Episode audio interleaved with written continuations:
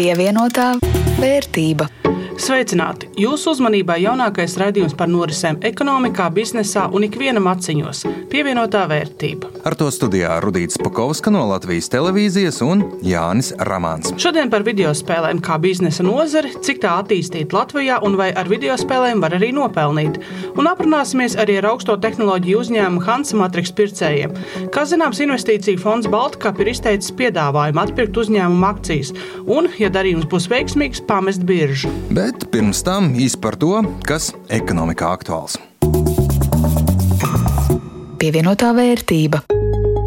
Un, ja par aktuālo, tad varam sagatavoties iespaidīgai diskusijai saimā. Tieši tur nāksies lemt par alkohola ierobežojumiem. Vai drīkst reklamēt atlaides alkoholam, vai uz etiķetes jāliek cik kaloriju dzērienā, vai drīkst grādīgos dzērienus dot par velti, ja pērk kādu citu preci. Tam visam valdība teica nē, nedrīkst. Bet nu bija jābūt aklam, lai neredzētu, ka ministru kabinets, nespējot atkauties no dažādiem lobētājiem, jautājumu uz saimas gaitiņiem pārbīdīja ar patiesu prieku. Saka, lai tie deputāti tad vada šo klopi. Ja man prasītu prognozēt, es nedomāju, ka reāli dzīvē jebkas no šīm idejām parādīsies drīz. Pat ja politiskā griba būs, kamēr visu izrunās. Un ilgākā laikā redzēsim arī, kam taisnība finanšu ministram Arvilam Ašerādenam, kurš ceļ trauksmi, ka Latvijas būvnieku un informāciju un komunikāciju tehnoloģiju tehnoloģiju sektors netiks galā ar Eiropas Savienības naudas miljardiem, vai tomēr taisnība būs nozarei. Ja būvnieki atzīst, viss ir slikti, nav kas strādā pat nozarē, nav vienota viedokļa, tad informācija tehnoloģija nozara Tā rausta plecus un saka, ja darbus sāks laikus, visu paspēs. Nu, ar to darbu sākšanu laikus, apgūstot Eiropas naudu, lielākoties mums iet kā studentiem ar bakalaura darbu rakstīšanu. Pusgadu bumbulē runā par savu dižo gāra darbu, domā, ko no episku sarakstīsi, nu un tad pēdējā naktī pirms nodošanas termiņa sarauj. Ja tā mēģināsim apgūt gan šā perioda Eiropas Savienības naudu, gan atvesaļošanas fonda resursus, tad visticamāk tiešām netiksim galā. Bet satraukuma raisa egļu izgrauzes, tādēļ zemkopības ministrijā aicina izsludināt ārkārtējo situāciju vairākās pašvaldībās. Šodien par to varētu lemt valdība, un tas nozīmē arī meža izstrādes ierobežojumus. Bet šoreiz tā loģika ir, ka labāk mazas problēmas šobrīd nekā risks zaudēt krietnes mežaudžu platības nākotnē. Mazliet par statistiku. Mūsu pensiju krājumiem Latvijas bankas statistika par iepriekšējo gadu rāda dažas interesantas lietas. Pērnais gads noslēdzies ar kopējo otrā pensiju līmeņa uzkrājumu 5,7 miljardu eiro apmērā. Ļauj minēt, tas ir mazāk nekā gadu pirms tam, jo tāds gads kā 2022. nevarēja būt bez sekām. Tev ir pilnīgi taisnība. Kopējais uzkrājums samazinājies par apmēram 300 miljoniem, jo pērngada finanšu tirgi šūpojās kā koki vētrā.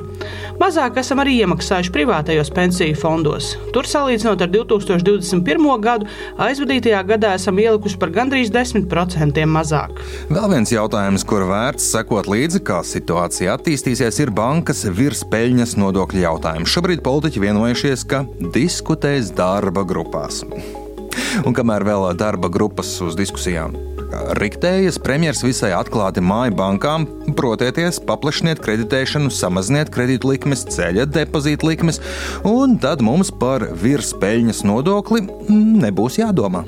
Un, reaģējot uz premjera mājieniem, nu vai arī cerot piesaistīt jaunus klientus, Svetbank jau izziņo, piedāvā kredītus bez bankas pievienotās procentu likmes. Tur tikai ar māziņiem burtiņiem rakstītais jāizlasa. Tas attiektos tikai uz pirmajiem diviem gadiem, un kredīts iedzīvotājiem vai uzņēmējiem jāņem noteiktām lietām, piemēram, A klases, tas ir energoefektīva mājokļa iegādēji, saules paneļiem vai vidē draudzīgam auto. Nē, nu labāk kā nekas, protams. Cerams, arī citas bankas nāks klajā ar saviem risinājumiem un konkurence patērētājiem sniegs vēl interesantākus piedāvājumus. Kā solīts, turpinām ar video spēlēm. Pasaulē miljardos mērām izklaides industrija, bet Latvijā nav tā skaļi dzirdēts, ka šajā jomā mēs kaut ko darītu un būtu īpaši veiksmīgi.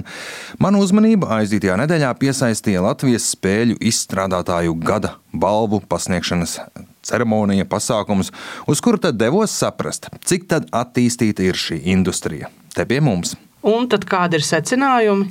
Teiksim tā, hobija līmenī ir neviens vien, kurš uztaisa kādu spēlīti. Ir mums Latvijā arī vairāk uzņēmumi, kur nodarbojas ar mobilo telefonu spēļu veidošanu, ir pat visai veiksmīgi. Bet, lai tiktu līdz tādai tradicionālai video spēlei, kur spēja arī nopelnīt naudu, Tādu mums nav daudz, bet ar pārīti veiksmīgu spēļu radītāju un arī balvu saņēmējiem man izdevās aprunāties. Sveiki, esmu Girts Česteris. Es esmu studijas HyperVR Games. Uh, direktors, ļoti vienkārši pasakot, mēs izstrādājam VR uh, spēles, kā virtuālās realitātes spēles kā arī es esmu lektors Vidzemes augstskolā, pasniedzu spēju izstrādi un Latvijas spēļu izstrādātāja asociācijas valdes loceklis. Mūsu spēle pieejama MetaQuest 2, arī MetaQuest ierīcim. Tas ir kādreizējais Oculus Store, tagad to sauc par Metastore. Tas ir tas Facebook virtuālā realitāte. Jā, ir, tā ir Facebook virtuālā realitāte. Tā ir mūsu galvenā platforma, kur mēs šobrīd uh, esam ar mūsu spēli Shavenstaff. Bet uh, mēs drīzumā varētu būt arī uz uh, Steam platformas. Proti, būs iespējams spēli uzinstalēt arī uz datora un palaist ar pieslēgtu vadu. Šobrīd nav nepieciešami vadi. Vēlāk arī Playstation VR 2, un um, tad vēlāk mums būs vēl visādi jaunumi nākotnē. Es arī uzņēmumu, kurš ar to visu nodarbojās, vadītājs var izstāstīt, cik apmēram ir liels tāds uh, Latvijas uzņēmums, uh, kurš nodarbojās ar spēļu izstrādi. Teiksim tā, spēļu izstrāde ļoti interesanta nozara to, ka ir uzņēmumi, kuros ir uh, saucamās AAA studijas, kurās ir simtiem cilvēku. Latvijā tāda ir maz. Nē, es atvainojos, īsti nav. Bet ir cilvēki, kuro, kuros ir daudz uzņēmumu. Ļoti bieži tie ir mobilo spēļu strādes uzņēmumi. Tad, tad viena no pelnošākajām daļām industrijā, vismaz Baltijas valstīs, ir tieši mobilo spēļu strāde. Tad ir Indijas spēļu studijas, kurās ir ļoti bieži ir viens, divi, trīs, četri, pieci cilvēki. Un ļoti bieži ir tā, ka man ir viena Indijas spēļu strādes studija, kur mēs strādājam divatā, trijotā reizē. Mēs es strādāju viens pats, un tad es esmu gan izstrādātājs, gan 3D modelētājs, gan marketeris, vispēc kārtas, gan audio cilvēks. Tā, tas vienkārši paplašina to spektru. Un, jā, un tad ir piemēram studijas kā HyperVR games, kur mēs esam astoņi cilvēki. Tad mēs darām katru kaut kādas lietas, bet tā, ļoti bieži šīs lietas, ko cilvēki dara, pārklājās. Tā, nav tā, ka tu sēdēsi tikai kartupeļus, mizosi, bet tajā pašā brīdī tev ir jāmizo kartupeļi, šos pašus karpējs jāuzvāra, jāpieliek sāls. Tad, eh, proti, lai galvenais, lai spēlētājiem pieredze ir interesanta. Spēļu industrija pasaulē, vai ne? Mēs zinām, daudz miljonu industrija. Ja mēs salīdzinām ar to, kāda viņi kas ir Latvijā, kādu, kā tu raksturotu, cik perspektīva, atpazīstama Industrija mums arī ir daudz miljonu industrija šeit lokāli. Tas nav tā, ka tas tikai ārpusē, ja es pateiktu, pasaulē tā ir uh, miljardu un triljardu industrija. Lieta ir tāda, ka mums, es negribu samiloties, mums ir ap 60 cik uzņēmumi, kas specializējas vienīgi uz spēju strādi. Ja nemaldos, es varētu samiloties, bet skaitlis ir līdzīgs aptuveni. Uzņēmumi parādās, pazūd, bet teiksim, tā, mums ir uh, lielākie uzņēmumi, kā piemēram Estotī un uh, Hypercell, kas uh, šie vislielākie uzņēmumi ražo mobilās spēles, kuras ir pieprasītas tirgū. Viņiem ir zināms eh, modelis, kā viņi strādā. Ieņēmumi arī ir attiecīgi labi. Tad, tad uh, ir pilns ar dažādiem uzņēmumiem. Tajā pašā brīdī ir brain games, ko ļoti daudz zina. Tās nav datorspēles, bet tās ir galda spēles. Viņiem arī ir sava niša. Un lieta ir tāda, ka teiksim, ir pieprasījums, un tajā pašā brīdī uzņēmējiem viena no tipiskākajām problēmām ir tas, ka nav speciālistu tirgu. Spēļu strādes speciālistu trūkst. Ir grūti viņus atrast. Dzirdējāt sarunu ar Girtu Česteri, spēļu izstrādātāju un arī Vidzemes augstskolas lektoru spēļu izstrādē, bet ar lauvas tiesu balvām par veikumu spēļu izstrādē devās Uvis Zviedris, kurš tās saņemot pus pa jokam, pus nopietni teica, ka viņa radītā spēle Spiderheck patiesībā ir viņa pirmais mēģinājums, un viņš par nozari kopumā neko daudz patiesībā nezinot. Tad nu es devos pie viņa, noskaidrot, kas tad ir vajadzīgs pilnīgam nezinātājam nozarē, lai būtu veiksmīgs un vai ar to visu var arī kaut ko nopelnīt. Kā nonākt šajā nozarē, kas ir tie šķēršļi, kas varbūt citiem, kas ir domā, ah, kas tur tādu spēli uztaisīt, nu, kas ir tie šķēršļi, kas jāpārvar? Viens no lielākajiem šķēršļiem, ko es teiktu, ir, ka tā ir Atšķirībā no varbūt, citas programmēšanas darbiem, šis ir ļoti starpdisciplināra joma. Ir jāpārzina ne tikai programmēšana, jāpārzina māksla, dizains, skaņa un visas šīs lietas. Man par laimi no iepriekšējiem projektiem bija pieredze ar to. Es biju strādājis aplikāciju izstrādē, līdz ar to dizains jau bija. Es parasti strādāju kā vienpersonas komanda, līdz ar to tas pārnesās. Un otrs šķērslis, kurus es biežāk redzu citiem izstrādātājiem, ir tas, ka Spēļu strādes prasa šausmīgi, šausmīgi daudz laika. Jo, tu, lai dabūtu labu produktu, tur diezgan ilgi ir jātaisa, lai tā sajūta ir lieliska. Ja to cilvēks mēģina apvienot ar savu pamata darbu, tad ir ļoti grūti noturēt ilgtermiņā tādu projektu. Tādēļ manā gadījumā mana pieredze bija šī savādāka.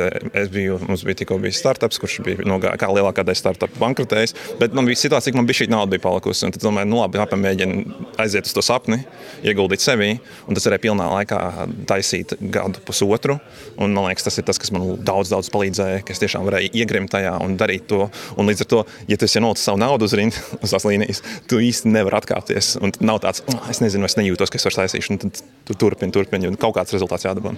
Vidēji vienpersoniski uztaisīta spēle, ja, ja, ja bija kaut kāda komanda aiz tā visa. Tā sākotnēji tā vienpersoniski taisīta. Uh, teiktu, pirmo divus gadus, laikam, pirmos tas bija viena persona. Es neesmu skaitījis.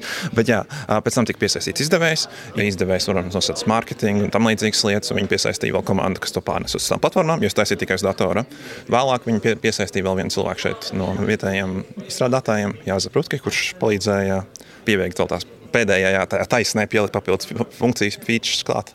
Ļāva man bija šī justies tā kā labāk garīgā veselības jautājumā, jo ja to visu padarīt vienam ir neiespējami. Liekas. Bet pamatīgs risks, nu, tā saki, pusotru gadu dzīvojot kaut kādu naudu, kas palikusi pāri, varbūt kādas citas neveiksmīgas idejas. Un, teiksim, pirmsākumā es arī domāju, ka tas beigās var izvērsties kā plus mīnus. Es nezinu, vai tas ir veiksmīgs bizness, bet. Nu... Tas noteikti ir bijis veiksmīgs bizness. Es to varu atkārtot vēl pāris reizes tagad, neuztraucoties. Bet, jā, nu, nu, tur risku var nenoliedzami. Man palīdzēja tas, ka minimālais mērķis bija, ka nu, okay, es būšu izdevis spēli, un tas būs personīgi savu ķeksītes dzīvē izdarīju forši, pat ja neiznāks. Bet no otras puses ir tas, ka tas tirgus ir ļoti, ļoti, ļoti liels. Un, ja tu esi vienpersoniska komanda, kas bija sākumā viens plāns, ka būs tikai vienam cilvēkam, nu, tad nevajag tik daudz tās pārdotās kopijas, lai tev atmaksātos tas ieguldītais varbūt. Un tas bija šī palīdzība, bet tāpat es domāju, ka spēlēm varbūt pat ir trakāk, vai tāpat kā ar startupiem, ka lielākā daļa nekur nenonāks. Es domāju, man ir daudzās ziņās, varbūt man ļoti paveicies. Jā, līdz šim mēs runājām vairāk par tādām biznesa lietām, bet izstāstiet lūdzu radio klausītājiem, Par ko ir tava spēle? Kas tas ir? Ko tur var darīt? Jā. Kā tu viņu raksturotu īsi? Jā, tas ir vienmēr bijis absurds stāstīt, ja tīpaši cilvēkiem, kas nespēlē spēles. Tas ir, tas ir mēs iedomājamies zirnekļus, kas rāpo pa sienām, lec ar tīkliem un tam līdzīgi. Iedodam viņiem lāzeru zobenus, kā noteikti tās slavenās filmās, varbūt, par ko esat dzirdējuši. Bet, galīgi, bet tomēr oriģināli man ideja nav nekas. Ne, ne. es nedrīkst viņus saukt noteikti uz to saukumus. Jā, un, un tēm, viņi cīnās savā starpā, un tas mērķis spēlē ir, ka viņi domā spēlēt draugiem kopā kompānijā. Un jūs apsēžaties uz dīvāna kompānijā un spēlējat viens pret otru, smējaties, izklaidēties. Tā kā tā laikam skaitītos balīšu spēli vai kaut kam līdzīgu. Pēc sarunas es, protams, nenocietos un paskatījos, cik tad maksā Uva Ziedra radītā video spēle PlayStation konsolē. Cilvēki par to ir gatavi atdot 15 eiro. Pievienotā vērtība. Tik tālu par video spēļu nozari kā biznesu, bet šobrīd aktuāls karsts apspriests ir viens Latvijas augsto tehnoloģiju uzņēmums Hansa Matrix. Baltijas lielākais privāto investoru fonds Baltkap ir izteicis piedāvājumu atpirkt tā akcijas, par katru gatavs maksāt 8,50 eiro, grib nopirkt vismaz 75%, lai pēc tam, ja darījums veiksmīgs, izslēgtu to no publiskās tirzniecības biržā. Rudīt, tavā portfelī arī viņi bija pat cik pārdevi? 8,34, jo man to akciju bija gana maz. Un ar komisijām būtu sanācis neizdevīgāk, dārgāk pārdot nekā vienkārši tirgu, bet mazliet lētāk. Un tur jau nav arī tā pilnīgi skaidrs, ka darījums tiešām notiks, un 75% akciju īpašnieki tās piekritīs pārdot. Jā, tas tiesa. Līdz nedēļas beigām vēl tie, kas vēlas izmantot šo piedāvājumu, var pieteikties akciju atpirkumam. Brīdi pirms finiša taisnes uz sarunu aicināja piedāvājumu izteicēju jeb pircēja investīciju fonda Baltkap investīciju direktoru Juri Pārbu. Par to, kāpēc mums ir interese Hansa Matrix iegādāties, tur kopumā es teiktu, ir divi galvenie faktori. Viens ir tas, ka nu, pirmkārt mēs domājam, ka Hansa Matrix ir interesants uzņēmums, kurā pašreiz ieguldīt. Un tas, kāpēc mēs tā domājam, ir tas, ka Hansa Matrix nodarbojās ar tādā nozarē, kas saucās elektroniskas ražošanas pakalpojumi. Nu, attiecīgi, viņi ražo dažādiem elektronikas produktu ražotājiem. Viņi ir outsourcētais uzņēmums, kuram outsourcē ražošanas pakalpojumu. Viņš vienmēr sakot, ja tev ir produkts, ko tu gribi saražot, tu vari aiziet pie Hansa Matrix un viņi tev saražos. Tas ir viens tāds faktors. Un otrs faktors ir tas, ka, protams, notiek tur visa ģeopolitiskā tur ķīvēšanās, rīvēšanās starp Ameriku, Ķīnu un Eiropu. Un tas arī tieši to pašu kontribūtēt tiem uzņēmumiem, teiksim, apsvērumus, ka labi vismaz daļu no savas ražošanas turēt tuvu mājām. Un Hansa Matrix tādā ziņā ir ļoti labā pozīcijā, jo Hansa Matrix var kā, iegūt no tā jaunus klientus, var iegūt jaunus tirgus, nu, tā kā var iespēja izaugt. Ja? Tas ir tas, kāpēc mums tas interesē. Tam visam ir otra puse. Otra puse ir tāda, ka nu, mūsuprāt, vismaz lai Hansa Matrix uh, izaugtu, viņam būs nepieciešams papildu kapitāls. Un, teiksim, nu, kā mēs kā fonds esam spējīgi tādu kapitālu arī papildus ir nepieciešams ieguldīt. Protams, kā tu jau rudīt pamanīji, pārdodot savas akcijas un teici, tad šaubas par to, vai darījums būs līdz galam veiksmīgs, respektīvi, ka 75% akciju izdosies atpirkt, ir redzamas akciju tirgus cenā. Un es, protams, pajautāju, cik pārliecināti ir, ka izdosies nopirkt tos vismaz 75%. Pretējā gadījumā piedāvājums tiek atcelts un viss paliek pa vecam. Nu, to jau mēs redzēsim, tad, kad beigsies tas termiņš, kurā akcionāriem ir iespēja Tas, ko redzam arī publiski, ir vairāki no lieliem akcionāriem ir publiski teikuši, ka viņi atbalsta šo darījumu. Nu, tā teikt, ir, ir, ir uzņēmuma dibinātājs Ilmārs Osmanis, ir, ir publiski teicis, ka viņš, viņš piedalīsies un pārdos. Tāpat ir viens no fondiem, kas ir akcionārs Flycap, ir teicis, ka viņi plāno pārdot. Tā kā nu, mēs raugamies, protams, pozitīvi, ka mēs spēsim savākt to akciju skaitu, kas mums nepieciešams pēc tā, kā tas e, strādā, kā šāda veida brīvprātīgie akciju piedāvājumi strādā, ir, ja netiek sasniegts tas slieksnis, ko piedāvātājs ir e, noteicis, tad darījums nenotiek. Nu, tad paliek esošie akcionāri, esošā situācija un esošais potenciāls un tā tālāk. Tad darījums nenotiek. Nu, tad, protams, var piedāvāt jaunu piedāvājumu, var nepiedāvāt. Nu, tad tas jau ir atkal Saka, viss sāks no sākuma.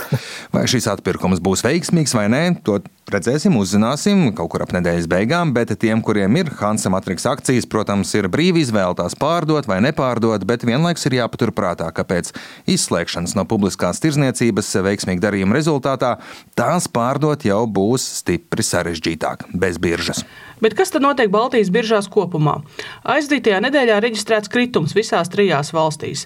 Rīgas biržas indeks samazinājās par 1,32%, Viļņā 0,79% mīnusā, savukārt Tallinas biržas indeks leju par 0,64%. Nu, kas notiek tavā portfelī? Manā portfelī tie ir 2 eiro mīnusā. Nedēļas laikā šobrīd vērtība 470 eiro un 57 centi. Tev arī mīnusi? Vēlna milti. Man arī, protams, kritums un kopējā vērtība 470 eiro un 40 centi. Labi, svētki tavā ielā. Es ar 17 centu pārsvaru izvirzījies līderos. Ak, vai! Cik man žēl tevis rudīt. Bet mierinājumam varēja taču būt arī sliktāk, vai ne? Nu, kā rāda dzīve un bieža, vienmēr var būt sliktāk, bet varbūt arī labāk.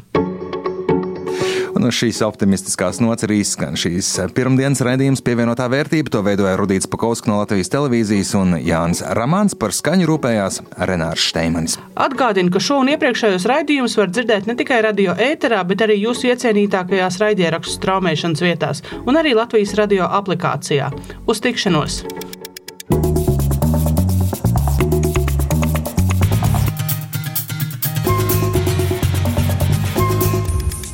Pievienotā vērtība.